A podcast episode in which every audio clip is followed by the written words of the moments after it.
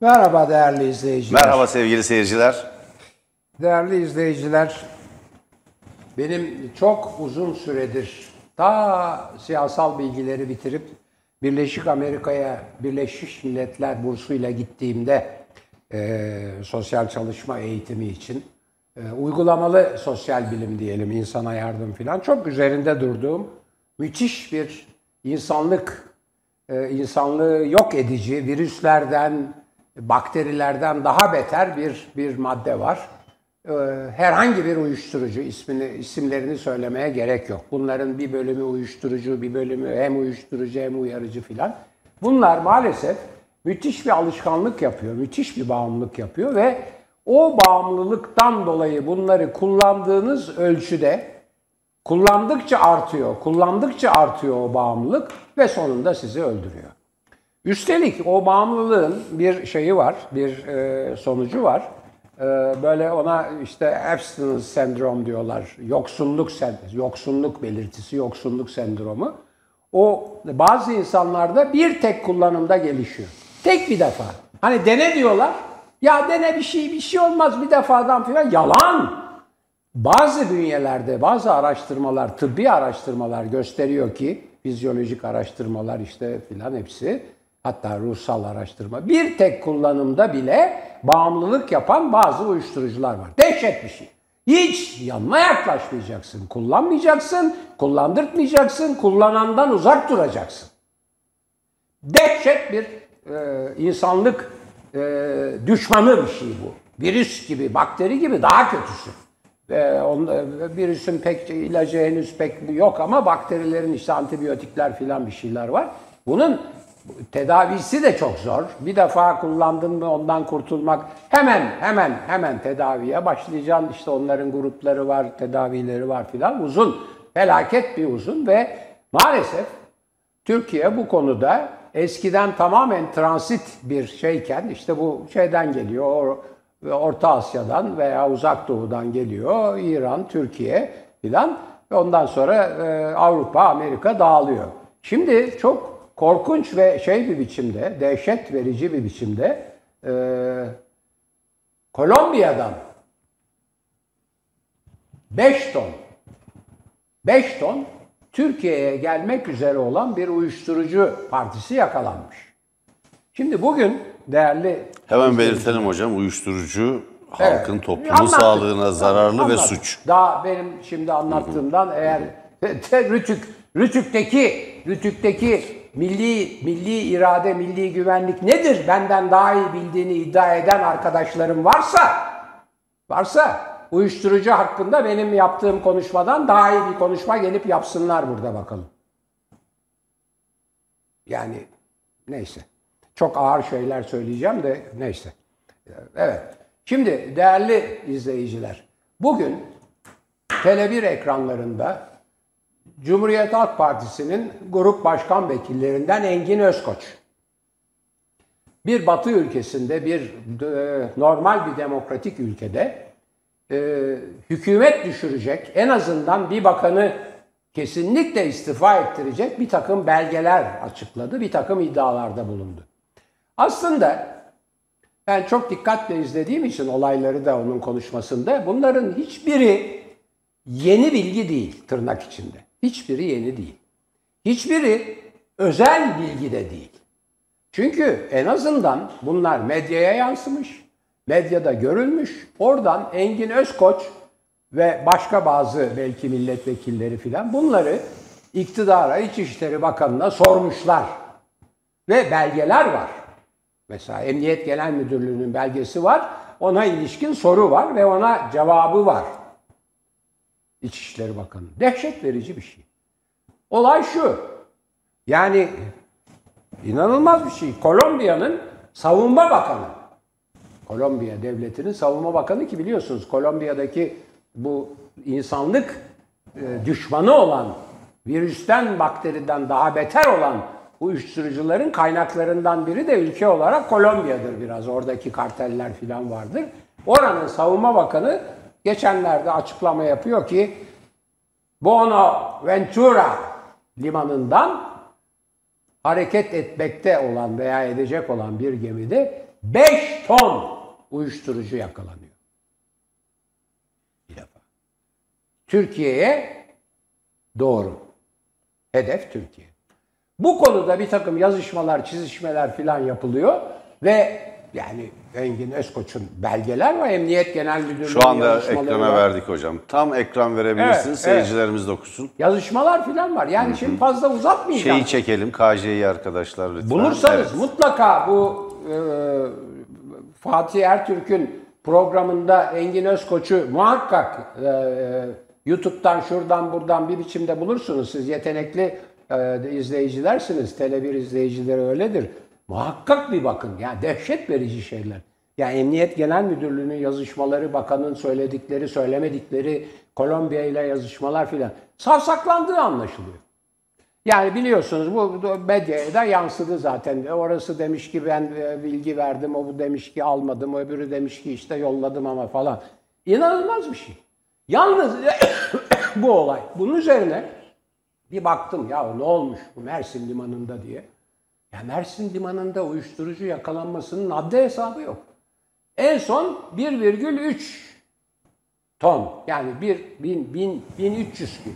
Bir ton 300 kilo yakalanmış. Onun galiba davası da yani onun hedefi de yani alıcısı da yakalanmış filan. O iyi bir şey tabii. Bu alçakları çünkü uyuşturucu cinayetten beter.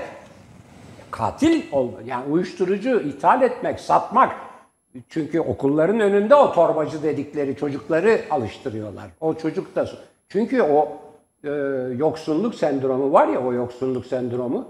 O yoksulluk sendromunu gidermek için insanlar işte o zaman hırsızlık yapıyor, cinayet işliyor, e, bedenini satıyor kadın veya erkek para kazanacak, ondan uyuşturucu alacak filan. Dehşet verici bir şey.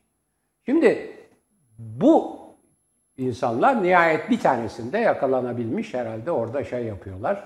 E, ceza filan da istiyorlar bir şeyler. O çok iyi bir şey. Ama ondan sonra baktım 300 kilo, 500 kilo, 600 kilo, 40 kilo, 50 kilo. Şimdi Merdan Bey onu çok söyledi. Ve herkes de söylüyor bu işleri İçişleri Bakanı'yla. Büyük partiler girsin diye küçük partileri yakalayıp filan böyle şey yapıyorlar. Dehşet verici bir olay. Daha ötesi var o konuşmanın ama ben bu açıştaki şeyi fazla uzatmayayım diye. Ama bu yani benim bütün hayatımı vakfettiğim yani eğitim bir, bu uyuşturucu unutmayın. Ee, Fukuyama, Francis Fukuyama diyor ki dünya örgütleri üç şeyle mücadelede yetersiz. Üç şeyle. Bir, uluslararası terör. iki uluslararası insan ve uyuşturucu kaçakçılığı. Üç, yoksulluk. İnsan ve uyuşturucu. Bakın insan ve uyuşturucu kaçak ve silah kaçakçılığı tabii. İnsanlık suçu bunlar. Evet, pardon. Çok özür dilerim. Çok da fazla uzatmadım, evet. Yok hocam estağfurullah uzatsanız da fark etmez. Şimdi hocam bugün tuhaf bir e, gün yaşandı değerli seyirciler. Sabah Merkez Bankası döviz kurlarındaki kontrol dışı dalgalanmaların ya da ne diyelim e, spekülatif dalgalanmaların önüne geçilmesi için piyasalara müdahale edeceğini açıkladı. Böyle olunca e, dolar 12,5 liraya e, hatta e, 12 lira e, 49 kuruşa kadar düştü. 12 lira 49 kuruşa kadar düştü. Fakat Erdoğan konuşmaya başladı. 1 lira daha arttı. Yani 13 liranın üzerine çıkıp neredeyse 14 liraya dayanma çizgisine kadar geldi. 14 lira sınırına kadar geldi. 13 lira 96 kuruşa kadar çıktı dolar. Şimdi e, bugün Reuters'ın akşam saatlerinde bir değerlendirmesi önümüze geldi. Şimdi herkes ben e, bir iddia e, ya da bir yaklaşım ortaya attım. Erdoğan'ın e, bu çıkışlarının ardında bir mantık aranıyor. Oraya geleceğim. Durum şu, sanki kasten yapıyormuş gibi. Evet, Merkez Bankası dolar satıyor. Ya piyasada bir dolar bolluğu yaratarak doları talebi düşürmeye ve böylece dolar e, dolardaki değer artışını veya daha doğru bir ifadesiyle Türk parasındaki olağanüstü değer kaybının önüne geçmeye çalışıyor. Ama Erdoğan bir daha tekrarlıyor. Biz faizleri düşüreceğiz. Dolayısıyla yüksek faiz, düş- düşük kur esasına daya- esasına dayalı e, anlayışı yıkacağız diyor. Şimdi bunu da söylerken halkımızı buna ezdirmeyeceğiz diyor. Sayın Erdoğan, halkı ezdiriyorsun zaten. Türk parasının değerinin düşmesi senin konuşmanın üzerine gerçekleşiyor. Akıl dışı bir ekonomi yönetimi olduğunu gören insanlar dolara, yabancı paralara hücum ediyorlar. Türk parasının istikrarı, değeri, ni- güvenilirliği bir koruma altında değil, uluslararası sermayenin müdahalelerine, uluslararası sermayenin e, müdahalelerinin ötesinde oyunlarına, spekülatif oyunlarına bir araç haline gelmiş vaziyette. Oyunlarının bir aracına dönüşmüş vaziyette. Bunu gören insanlar kendi tasarruflarını veya ellerindeki küçük paraları denetlemeye çalışıyorlar. Kontrol etmeye çalışıyorlar, korumaya çalışıyorlar. Bugün Tahtakale'de, şimdi ayaklı borsa olarak bilinen Tahtakale'de, Kapalı Çarşı'da İstanbul'da bir döviz bürosu sahibi, bir e, açığa işlem yapan bir kişi kendi yaşamına son verdi. Kendi yaşamına son verdi hocam. Tahtakale'de. Maalesef evet. Şimdi bakın. Dört- yoks- dört çocuk yok, yoksulluktan bak canına kıyanlar, kendisini yakanlar var. Böyle değil. Yani o kadar öngörülemez bir hale gelmiş ki ekonomi. Ki onlar o Tahtakale'deki ayaklı borsa dediğimiz insanlar çok iyi kokalırlar. Takip ederler, gelişmeleri izlerler. Artık kontrol edemeyecekleri bir hale gelmiş. Birisi, bir yurttaşımız kendi yaşamına son verdi. Aşırı şey yani e, ben böyle bir durum görmedim. Bu kadar büyük bir kaybı ben hak etmiyorum. Bu doğru değil. Böyle bir şey olamaz diye yaptığı yanlış işlemler. Yani öngöremediği için kolay kolay yanlış işlem yapmaz onlar. Kendi paralarını en azından garanti altına almak isterler. Vaziyet bu. Vaziyet bu. Vaziyet bu. Hala Sayın Erdoğan çıkmış SSK'yı batıran Kılıçdaroğlu'ndan söz ediyor. Ya mor Yahu SSK batmaz, batmaz, batmaz. SSK'lar batmaz. SSK zarar etmiyorsa bilin ki işçiye az para veriyorsunuz. Emeklilere az para veriyorsunuz. SSK'lar kar etmez ki batsın. Öyle bir şey yok. Kötü yönetilebilir tamam bunu söyleyebilirsiniz. Ama SSK'yı batırmak ne demek ya? İki nedenle batabilir. İnsanlar çalıştırdıklarının sosyal güvenlik primlerini yatırmazlarsa eğer bir de SGK'ların e, e, SSK hastanelerinde morglarda insanların öldüğünü söylüyor. Morglarda insan ölmez. Ölen insan morga kaldırılır. Bugün Mustafa adı güzel. Bordo milletvekili CHP'nin onu söyledi. Ben 28 yıllık hekimim ilk defa morgda insanların öldüğünü görüyorum. Yani diri diri, diri kim morga koyar insanları? SSK hastaneleri sizin bugünkü şehir hastanelerinizden daha iyiydi. Daha iyiydi. Var mısınız iddiaya girmeye? Daha iyiydi. Türkiye'nin kendi ilaç fabrikaları vardı. İlaçlarının %98'ini Türkiye kendisi üretiyordu. Ucuz ilaç alıyorlardı, şimdi ilaç bulamıyorlar. Çünkü ne yaptınız? Bütün ilaç sanayini dışa bağımlı hale getirdiniz. Yerli ilaç sanayini çökerttiniz, bitti.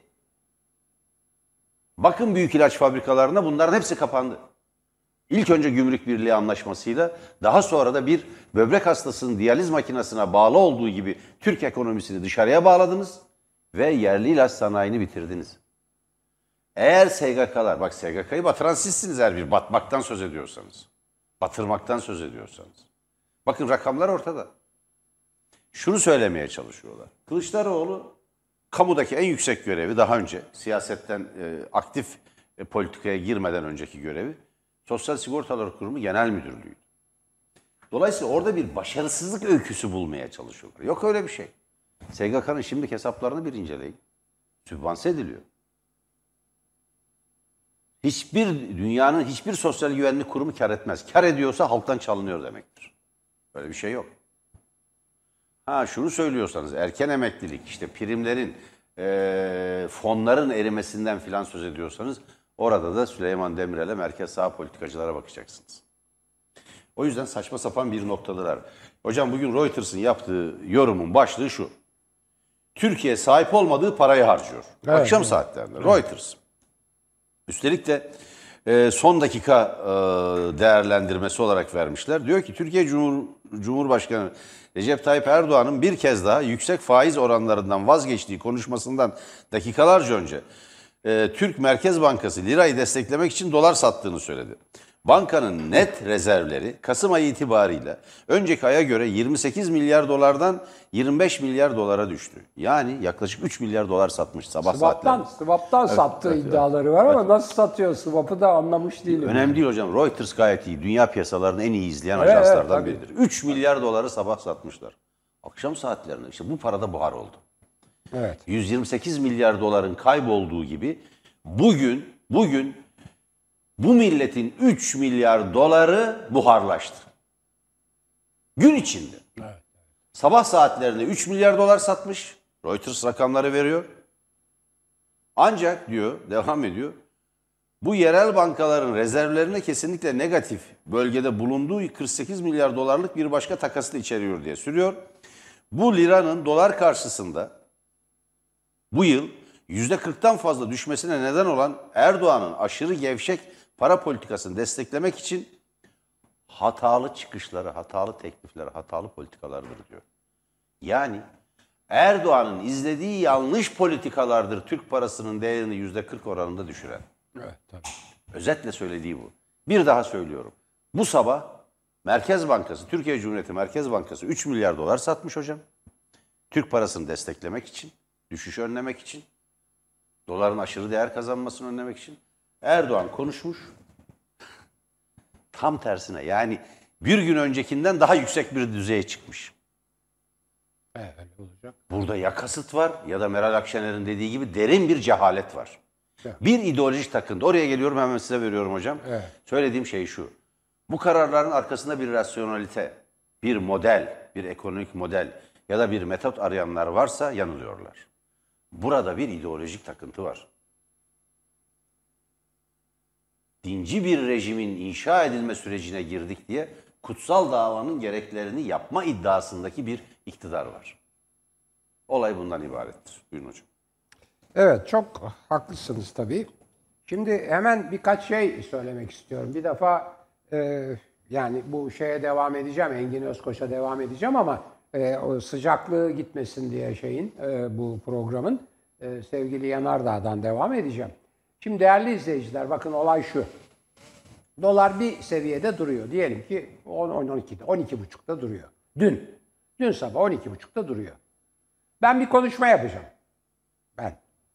Bütün bunları kontrol eden ben. Bir konuşma yapacağım ve ben konuşmada doları yükselten, sıçratan, faizi düşürmede ısrarlı olduğumu söyleyeceğim.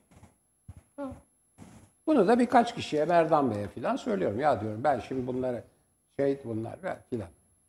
Gidiyorum bir konuşma yapıyorum. Ben 12,5 liradan 13,5 liraya fırlıyor. Yani o sırada işte bu bunu bilenler 12,5 liradan 1 milyon dolarını alıp 13,5 milyona sıçradığı sırada satanlar dolar başına 1 liradan hemen havada 1 milyar e, Türk lirasını alıyor.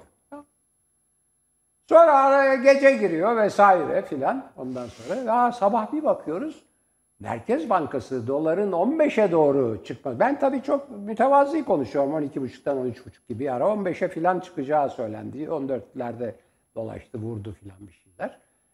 Merkez Bankası bunu önlemek için bir de söylentiler de tabii öyle geliyor. Dolar satmaya başlıyor. Berdan Bey söyledi 3, 3 milyar dolar sattı. Ben ona onu isteyemedim kaç milyar sattı. Ama 3 milyar sattıysa yani dönen paralar. böyle- Reuters'ın verdiği en az, rakamlardan en o az üç- anlaşılıyor hocam. En az 3 milyar en az 3 milyar Türk lirası karşılığı dolar havadan. Neyse şöyle. Şimdi aldık, sattık filan. Ondan sonra tekrar düştü. Düşünce ben dün akşam dolar yüksekken sattığım doların karşılığındaki Türk liralarıyla Merkez Bankası dolar satmaya başlar başlamaz bunun da duyulmasıyla doların aşağı inmesinden yararlanıp derhal elimdeki Türk liralarıyla doları aldım. 12,5'tan 13,5'a çıktı. Biz 1 lira. İndi tekrar sabahleyin 12,5 liraya. Ben aradaki işte 1 milyon fazla Türk liramla gittim gene. Ve herhalde şimdi o 12,5 olduğuna göre 90 bin, 80 bin dolar filan. 80 bin dolar aldım aynı parayla. Birdenbire ben dün sabaha göre 80 bin dolar havadan. Yani dolar karşılığı Türk lirası hani dolar e, artıyor, Türk lirasının değeri düşüyor. Türk lirası hesabı yapmayın filan demeyin bana. Yani Türk lirasıyla oyun yapıyorum. 12,5'tan alıyorum, 13,5'tan satıyorum. Tekrar 12,5'a inince tekrar alıyorum elimdeki Türk lirasıyla. Havadan 80 bin dolar. Derken tekrardan gidip konuşuyorum. İnmiş olan dolar tekrar fırlıyor. Tekrardan elimdeki parayı satıyorum. Şimdi biraz daha bekliyorum. Şu anda beklemedeyim. Biraz daha düşerse gene ondan elimdeki o fazla Türk liralarıyla gidip biraz daha değeri düşmüş olan doları satın alacağım. Ya bu defa 80 bin kazanamam belki ama bir 50 bin falan da götürürüm. Bir günde. Bir günde. Böyle bir böyle bir olay. Şimdi bunun ve ha sonra da çıkıp diyorum ki ben hep ben. Her şeye hakimim ya ben. Ben de diyorum ben bu işi bilirim. Ben ben profesörüm. Ya profesör değilsem bile benim kitaplarım var. Ben bu işi bilirim. Üstelik de 20 yıldır, 40 yıldır bu işi yapıyorum. Bunu da ilk defa yapıyor değilim. Ben hep böyle konuştum, biliyorum. Burada ısrarlıyım. Doğru diyorum. Şimdi bu bizim medya buna şaşkınlık diyor. Baktım ne oluyor diye buraya gelmeden yani bayağı çok yani saatlerce hazırlanıyorum. Kim ne demiş, ne olmuş, ona kim yorum yapmış filan. Şimdi şey medyası yani e, ekonomi e, muhabirleri filan var ya dernekleri de var. Yani oradaki yorumcular filan şaşkınlık diyorlar. Yani e, liderleri e, efendim faizi indireceğim diye ısrar ediyor. Dolar sıçrıyor. Bilmemeleri mümkün değil. Bunlar da onun emriyle faizi indiren, faizi indiren ve doları sıçratan kurum doların yükselişini önlemek için dolar satıyor. Hem de olmayan dolarları satıyor Reuters haberine göre. Şaşkınlık. Ya böyle şaşkınlık olur mu arkadaşlar? Bunun şaşkınlıkla falan ilgisi yok. Bu resmen benim söylediğim eski bir deyim kullanacağım. Taammüden. Yani tasarlayarak. Tasarlayarak kasıt bu. Bu kasıt. Bu mümkün değil. Yani bugün dolar satıp doların fiyatını indiren Merkez Bankası ona emirle faizleri düşürten patronunun benim gene buna kızıp da aynı şeyde ısrar edeceğimi bilmez mi? Mümkün mü bunu bilmemesi? Onun için bir defa onu o yorumu yapayım. Bir defa bu bir hemen hemen bu yorumu yaptıktan sonra bir şeyim daha var. Ee, bir küçük e, ilavem daha var. Bir, bir, bu tamamen konularımızla bağlantılı ama bu kara para meselesini bundan sonra konuşmamda anlatacağım. Birisi sormuş çok önemli bence. Kim diyor bu börekçi Rifat? Haber ediyor ben diyor izliyorum programlarınızı. Muhtemelen bizim tanıtımı filan izliyor. Börekçi Rifat değil o. Börekçizade Rifat. Soyadı o zaman yok. Zadeler vesaireler kimlerdensin? Sonra o soyadını alıyor. Rıfat Börekçizade. Evet, sonradan Börekçizade oluyor. Börekçizade Rifat Atatürk'ün katli vaciptir diye fetva veren Dürrizade'nin fetvasını imzalayıp Vahdettin İngiliz uçaklarıyla orduların ve Dürrizade Şeyhülislam. Evet, Dürrizade Şeyhülislam onun fetvasını Vahdettin de imzalıyor. Börekçizade Rifat da o dönemin Ankara müftüsü. Evet.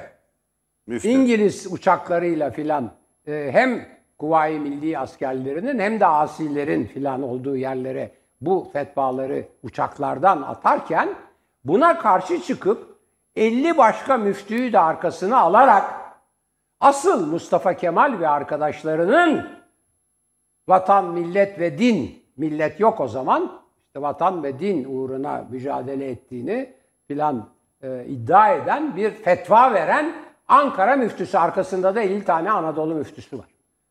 Börekçizade Rifat bu. Ve Türkiye'nin ilk Diyanet İşleri Başkanı oluyor. Ondan sonra Atatürk'ün kurduğu Diyanet İşleri. Evet buyurun efendim. Ben şeyi bu kara para hikayesi Peki çünkü hocam. uyuşturucuyla Şimdi- Allah Evet. korusun ondan Şimdi dün biraz konuştuk Abdullah Gül. Abdullah Gül'ün Cumhurbaşkanlığı adaylığı meselesi. Bazı mahviller tarafından ısıtılıyor. E, bu e, muhalefetin en büyük hatası olacak. Bir kez daha dün altını çizdim. Bugün çok net bir şekilde bir kez daha vurgulamak istiyorum ki. ama yapmazlar Eğer, ya. eğer Yap- hiç belli olmaz hocam. yapmazlar. Hiç belli olmaz. Hiç belli olmaz. Hiç kimse Ekmelettin İhsanoğlu'nu da beklemiyordu. Eğer Recep Tayyip Erdoğan ve AKP'nin bir beş yıl daha bu ülkeyi yönetmesi ve Cumhuriyet'in sonunun getirilmesini istiyorsanız Abdullah Gül aday yaparsınız. Abdullah Gül tam 822 yasayı tereddütsüz imzalamış, hiçbir yasayı geriye göndermemiş, veto etmemiş bir AKP Cumhurbaşkanıdır. Nereden çıktı bunun cumhuriyetçiliği? Üstelik de bazı muhalefet alanındaki bazı televizyon kanallarında adının böyle de yeniden dolaşıma sokulması karanlık bir planın, örtülü bir planın, bir Amerikancı planın liberalleri de yanına alarak denediği bir girişimdir. Bir planın en önemli parçasıdır. Eksenidir. Bu konuda ben bütün kamuoyunu, bütün muhalefet çevrelerini, bütün ilerici güçlerini, güçleri uyarmayı bir gazeteci sorumluluğu, bir yurtseverlik sorumluluğu, bir toplumcu eee, ne diyelim hadi çok eee, kendi kendime aydın demeyi çok sevmem de bir toplumcu aydın sorumluluğu olarak görüyorum. Bunun basit, fantastik, yahu bu kadar da olmaz e, denilerek geçiştirilecek bir yanının olmadığını çok net bir şekilde düşünelim. Muhalefet alanındaki bir kilitlenmenin yol açacağı bir aday arayışı şuna dayalı. Ya efendim AKP'den kopan merkez sağ ya da muhafazakar oyların, merkez sağ demeyelim, muhafazakar oyların CHP'li bir adaya gitmeyeceği varsayımıyla yeniden bir AKP'liyi Cumhurbaşkanı yapma çabasıdır bu. Türkiye iki İslamcıdan birine mahkum değildir. Türkiye iki İslamcı aday arasına, iki İslamcı siyasetçi arasına sıkıştırılacak bir ülke değildir artık. 20 yıllık bir dinci, siyasal İslamcı, bir ihvancı, iktidarın sonunun geldiği bir aşamada, bir tarihsel dönemeçte yeniden bir İslamcıyı aday göstermek ancak ve ancak eğer ihanet değilse bir gaflettir. Evet tabii. Bir gaflettir. Bir ahmaklık olabilir Doğru. ancak. İki İslamcıdan birine, iki İslamcıdan birine mahkum etmeye çalışmak bu ülkenin kendi içinden seçenek, cumhuriyetçi, sol veyahut yurtsever bir seçenek çıkaramadığı gibi bu ülkeye, bu topluma hakaret. Çıkaramadığını söylemek anlamına geleceği için hakaret.